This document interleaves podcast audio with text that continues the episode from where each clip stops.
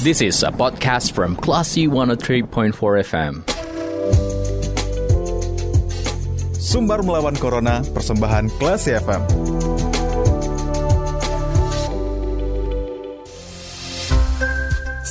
empat Classy FM bersama kita lawan Corona. Classy People, saatnya Anda mencermati obrolan seputar perkembangan COVID-19 di Sumatera Barat yang dikemas dalam program Sumber Melawan Corona bersama saya, Bimo Alvaro.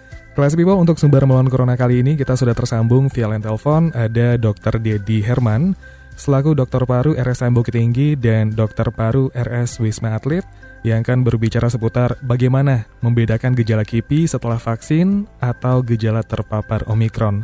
Langsung kita sapa, Assalamualaikum, selamat sore dokter. Assalamualaikum warahmatullahi wabarakatuh Mas. Dan Assalamualaikum juga buat seluruh pemirsa Klasi FM. Mudah-mudahan kita selalu diselamatkan oleh Allah selama pandemi ini. Mudah-mudahan juga bukan hanya diri kita termasuk keluarga kita dan masyarakat serta negara kita diselamatkan oleh Allah. Mas. Amin ya robbal alamin. Gimana kabarnya dokter sore hari ini? Alhamdulillah eh, sehat, tapi memang dari pagi sampai malam kadang jam 1, jam 2 malam masih harus meng-ACC pasien dirawat di Wisma Atlet. Mm-hmm. Dan kita sekarang pasien rawatan Wisma Atlet itu rata-rata sudah di atas ribu orang. Sudah di atas eh, 6.000 orang. Oke. Okay. Nah, sudah di atas ya, 6.000. Iya, sudah di atas 6.000. Ya, maka eh, jumlahnya tetap seperti yang kita bicara kemarin hari Kamis dua minggu di kata KJ pagi dengan dengan dengan KJ mm-hmm. itu jadi kalau misalnya sudah dua bulan meningkat kasus di Jakarta ataupun di Jawa biasanya daerah akan menerima uh, kondisi yang mirip dengan di pusat seperti itu mas. Oke, dan tentunya ini bakal, bakal kita kulik lagi ya dokter ya. Tapi kita pengen bahas dulu bagaimana vaksin booster yang sudah mulai digencarkan sejak uh, Januari yang lalu. Nah, dokter, uh, setelah vaksin biasanya kan ada KIPI yang menyertai atau dampak uh, efek uh, gejala efek dari hasil vaksinasi ini ya, dokter ya. Biasanya untuk iya. vaksin yeah. booster apa yang dirasakan? Uh, biasanya begini, KIPI itu seringnya biasa terjadi di awal waktu kita awal pertama kali di, divaksin biasanya. Hmm. Biasanya KIPI itu adalah kejadian ikutan pasca imunisasi gejalanya bisa uh, demam, gejalanya bisa kadang-kadang kalau alergi bisa timbul alergi, bisa juga timbul gatal-gatal, bisa juga timbul ada beberapa pasien itu yang setelah kita vaksinasi itu malah impotensi, ada ada yang seperti itu. Okay. Kemudian ada juga nanti nyeri di tempat suntikan. Namun itu yang negatifnya. Tapi yang positifnya ada juga yang pertama nafsu makannya meningkat, kemudian nafsu yang lainnya meningkat kemudian juga enak tidurnya. Jadi berbeda-beda untuk masing-masing orang kejadian eh, ikutan pasca imunisasinya. Jadi itu tergantung kepada memang masing-masing individu seperti itu Mas. Jadi untuk setiap orang tidak akan sama. Untuk booster biasanya sering uh, gejala itu di vaksin pertama sering muncul. Hmm. Setelah vaksin yang kedua booster biasanya tidak begitu masalah aman-aman saja. Namun misalnya kita gunakan vaksin yang sama mungkin hasilnya tidak banyak berbeda uh, gejalanya. Namun kalau misalnya kita gunakan vaksin yang lain seperti saya menggunakan dua kali dengan uh, Sinovac, kemudian yang ketiga menggunakan Moderna. Moderna itu gejalanya agak demam sedikit, kemudian nyeri di tempat suntikan karena memang tergantung kepada bahan yang dibawa oleh vaksin tersebut. Hmm. Yang katanya yang paling tidak sakit itu Pfizer katanya, seperti itu, mas. Oke. Okay.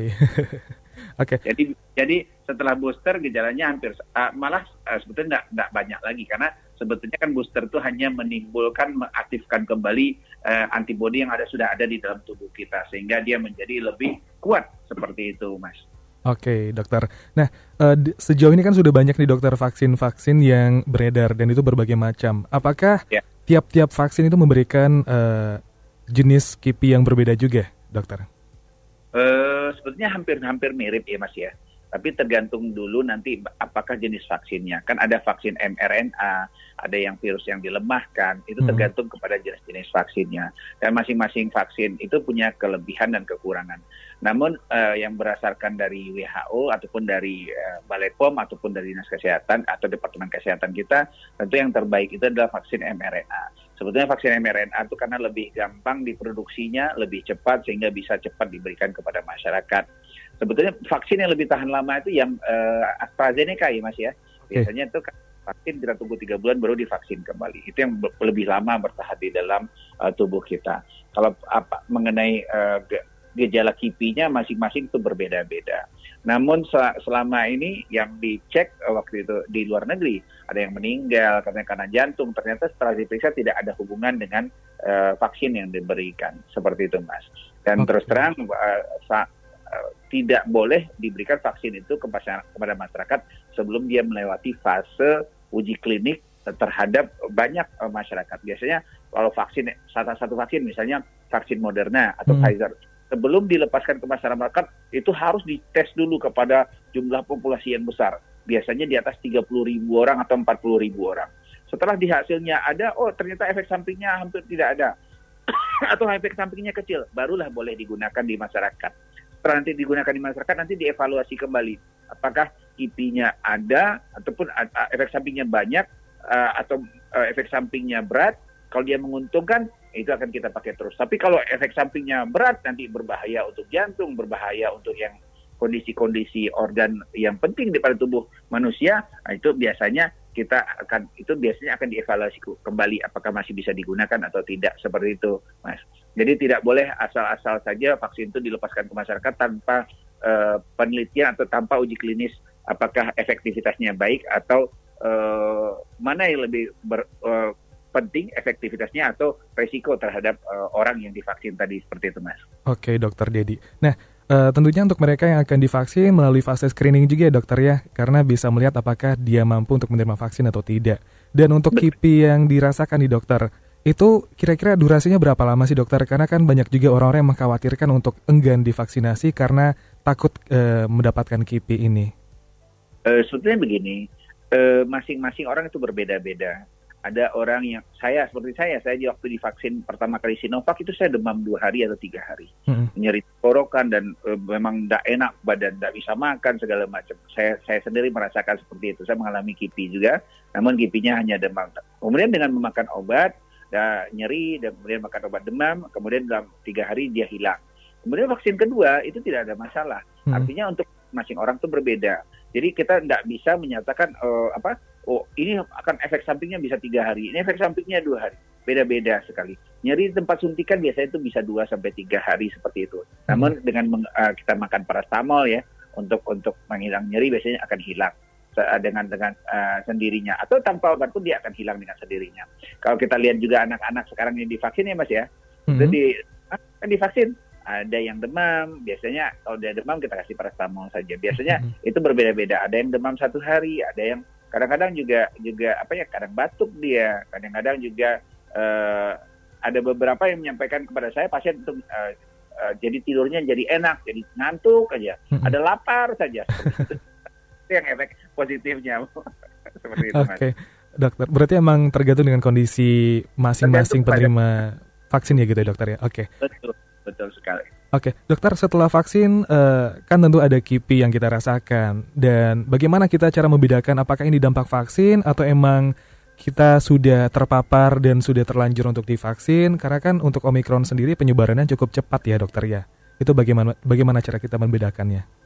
Jadi begini, yang pertama bahwa biasanya kalau kita akan divaksin kita akan lakukan screening dulu. Mm -hmm. Pertama misalnya gula darahnya terkontrol atau tidak kemudian tekanan darahnya ada normal atau tidak, kemudian ada sedang batuk-batuk atau tidak, kemudian juga ada uh, beberapa poin yang kita akan tanyakan kepada orang yang akan divaksin, apakah mereka memenuhi kriteria untuk divaksin atau tidak, hmm. kemudian dia sesak atau tidak.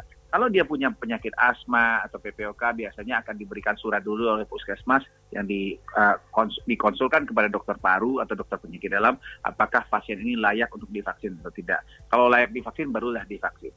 Atau kalau dia harus menggunakan obat-obat tertentu selama uh, dia akan divaksinasi, itu silakan. Apabila misalnya dia asma, akan diberikan obat asma, hmm. sehingga dia kontrol asmanya saat divaksin, nanti mudah-mudahan tidak akan timbul serangan asmanya atau eksaterbasi asma yang nanti akan berisiko ke pasien. Kemudian kalau hipertensi dia diberikan dulu obat hipertensi supaya tensinya terkontrol di bawah 180, uh, untuk sistoliknya diastoliknya di bawah 100. Kemudian kalau misalnya dia diabetes melitus dengan gula darah tinggi diberikan dulu obat untuk diabetes melitusnya sehingga gula darahnya terkontrol, Mas. Jadi tidak asal langsung divaksin saja, harus dilakukan screening dengan benar.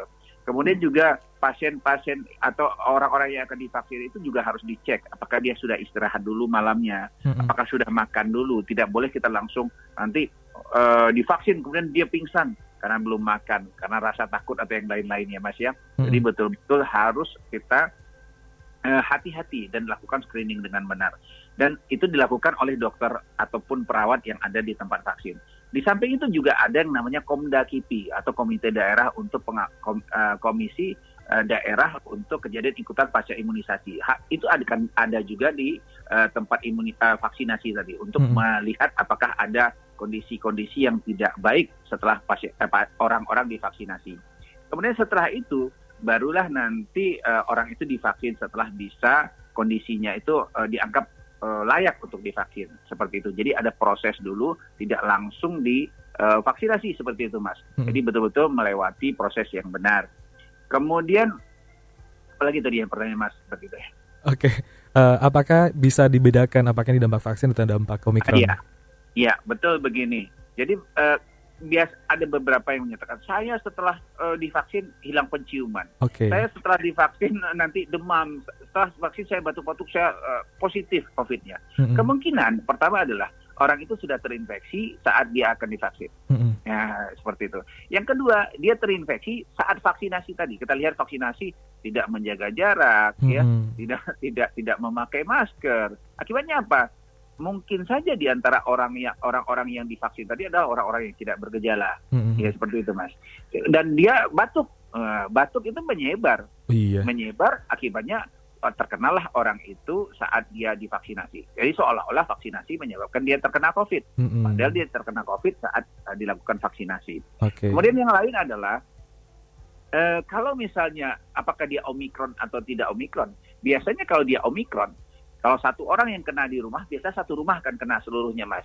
Ya, jadi jadi kalau omikron tuh dia sangat cepat. Mm-mm. Jadi kecepatannya untuk eh, menyebar tuh sangat cepat sekali, ya, sehingga bisa mengenai dan dia ikatannya dengan reseptor ACE2 itu lebih kuat, sehingga kalau dia sedikit saja dia bisa berikatan dengan reseptor ACE2 pada orang di saluran napas pada orang-orang eh, di satu rumah tadi. Mm-mm. Contohnya adalah pasien saya kemarin, orang tuanya terkena dan seluruh keluarganya terkena setelah satu anaknya pulang dari Jakarta, terkena seluruhnya terkena omikron. Nah seperti itu. Oke. Eh, bukan hanya pada satu dua keluarga yang datang berobat kepada saya dan satu keluarga itu ada dua orang yang dirawat di rumah sakit terkena omikron karena kondisinya kondisi sedang dan mengalami sesak. Kemudian kalau omikron itu sangat cepat sekali. Jadi kalau varian delta mungkin ada satu dua orang yang negatif ya satu rumah kemudian yang dua orang positif. Tapi kalau yang omikron biasanya seluruhnya positif. Mm-mm. Makanya sering kalau misalnya di satu sekolah oh positif semua. Kemudian di di di di, di atau satu kelas positif semua, bukan satu sekolah ya, satu sko- kelas positif semua, atau satu kantor positif semua. Kenapa? Karena dia sangat cepat sekali penyebarannya. Penyebarannya sangat cepat. Kenapa? Karena afinitasnya berikatan dengan ACE2 itu atau reseptor yang ada di saluran napas manusia itu sangat kuat. Akibatnya karena dia berikatan kuat, orang itu bisa terkena eh, COVID yang khusus dengan Omikron. Tapi gejalanya tidak akan berat, Mas ya. Biasanya gejalanya ringan. Kenapa? Karena dikatakan kalau varian Delta itu replikasinya atau pe- eh, pertambahan jumlah RNA-nya di dalam tubuh itu cepat sekali. Kenapa dia cepat membelah? Sedangkan Mhm. kalau yang Omikron di dalam tubuh itu dia membelahnya agak lambat RNA-nya. Oke. Sehingga tidak seberat pada Delta yang Omikron ini. Namun, dia akan berat kalau misalnya orangnya belum divaksin. Akan berat kalau misalnya pada anak-anak yang daya tahan tubuhnya lemah. Kemudian pada orang tua yang daya tahan tubuhnya lemah yang juga belum divaksin. Seperti itu. Makanya pemerintah Padang kemarin kan Mas dengar ya, ada Hmm. berita bahwa yang anak sekolah yang 6 sampai 11 atau 12 tahun yang belum divaksin tidak boleh sekolah dulu. Karena ditakutkan nanti penyebaran seperti di Jakarta ada 90 sekolah yang menyebar Omikron dan akhirnya 90 sekolah tadi diliburkan. Dan kita takutnya nanti kalau misalnya tidak hati-hati ya seluruh sekolah bisa tutup lagi. Tidak Iya. sekolah lagi nanti. Setelah- Setelah landai sebelumnya, dokter ya takutnya Iya, ada betul. lonjakan baru karena varian omikron. Iya Oke. betul. Dokter, nah eh, mengutip tadi dari penjelasan dokter ada pelaku perjalanan yang dari Jakarta ke Padang dan tahunya pas di Padang eh, menyebarkan varian omikron ke dua keluarga. Nah, eh, bakal berkaitan dengan pertanyaan selanjutnya di dokter. Apakah untuk mereka yang sudah vaksinasi itu bisa melakukan uji rapid antigen? Karena kan sudah melakukan vaksinasi, terus juga otomatis antibodinya juga naik la- naik lagi. Uh, Ya. Bagaimana dokter? Apakah wajib melakukan uji rapid antigen? Sebetulnya begini, rapid antigen kan cara paling cepat kita untuk mengetahui apakah eh, kita terinfeksi oleh COVID-19 atau tidak. Sekarang itu sudah ada rapid antigen yang bisa dipakai untuk Omicron. Itu memang sudah ada dikeluarkan, bisa dipakai untuk kita mendeteksi apakah kita terinfeksi kembali oleh COVID-19 atau tidak. Itu untuk Omicronnya sudah ada. Tapi yang paling penting adalah kita lakukan PCR sebetulnya. Dan setelah di PCR nanti diperiksa dengan whole genome sequencing. Tapi whole genome sequencing uh, tidak uh, gampang ya, harus kita kirim ke pusat untuk menilainya. Mm-mm. Kemudian kalau tidak bisa ya kita bisa kirimkan juga nanti ke lab biomedik Unan ya. Mhm. Dan di sana di lab biomedik Unan bisa menilai apakah ini Omikron atau tidak. Seperti itu, Mas. Jadi kita bisa tahu eh, ini Omikron atau tidak. Ya bisa kita kirimkan ke lab biomedik Unan. Biasanya kita menjadi eh, patokan kita adalah lab biomedik Unan untuk tahu betul apakah ini eh, COVID-19 Omikron atau tidak. Kemudian yang lain adalah bahwa kalau memang kita curiga kita itu mengalami eh, infeksi COVID, misalnya gejalanya batuk, ya, kemudian eh, influenza, kemudian badannya rata-rata sakit badan seluruhnya. Yang rata-rata datang ke tempat praktek saya itu nyeri badan seluruhnya dok, sakit kepala, ya. Mhm. Tidak seperti Delta. Delta itu kan sering hilang penciuman ya mas ya, Mhm. hilang penciuman, hilang perasa lidah. Yang varian Omicron seringnya adalah eh, seperti mirip influenza, sakit kepala, kemudian nyeri sendi, kemudian influenza, tidak bisa tidur, eh, seperti itu mas. Bedanya seperti itu dan batuk-batuk juga. Dan ya, itu yang menyebabkan mereka tuh eh, kelelahannya menjadi hebat sekali. Seperti itu mas. Oke, Dokter Dedi. Waduh, udah dijelaskan dengan lengkap juga dan semoga Classy People bisa membedakan mana yang kipi, mana yang gejala varian Omicron ya, Dokter Dedi ya. Iya betul betul sekali mas. Oke. Kalau kipi kan jelas ada vaksinasi dulu. Hmm. Kalau Omikron ya itu jelas karena ada infeksi. Mungkin karena kita apa? Karena jalan ke mana-mana. Iya, Kita- dan juga ada titik lengah yang mungkin uh, kurang disiplin prokesnya atau mungkin lain Iya. sebagainya. Oke, Dokter Iya. Dedi, terima kasih waktunya di sore hari ini. Terima kasih mas. Salam sehat terus dan semoga kita bisa ketemu di lain kesempatan. Assalamualaikum. Waalaikumsalam warahmatullahi wabarakatuh. Baik, Classy People, ada Dokter Dedi yang sudah menjelaskan bagaimana perbedaan dari KIPI uh, dan juga varian Omicron uh, untuk vaksin booster ini, Classy People. Dan semoga informasi yang kita bagi itu bermanfaat untuk Classy People yang belum divaksinasi atau mungkin yang yang masih ragu soal bagaimana KIPI dari vaksin booster ini. Demikian sumber melawan corona, kita ke program selanjutnya. Terima kasih. Anda sudah mencermati program Sumber Melawan Corona. Cermati podcast obrolan ini di www.classfm.co.id atau download aplikasi Classy FM.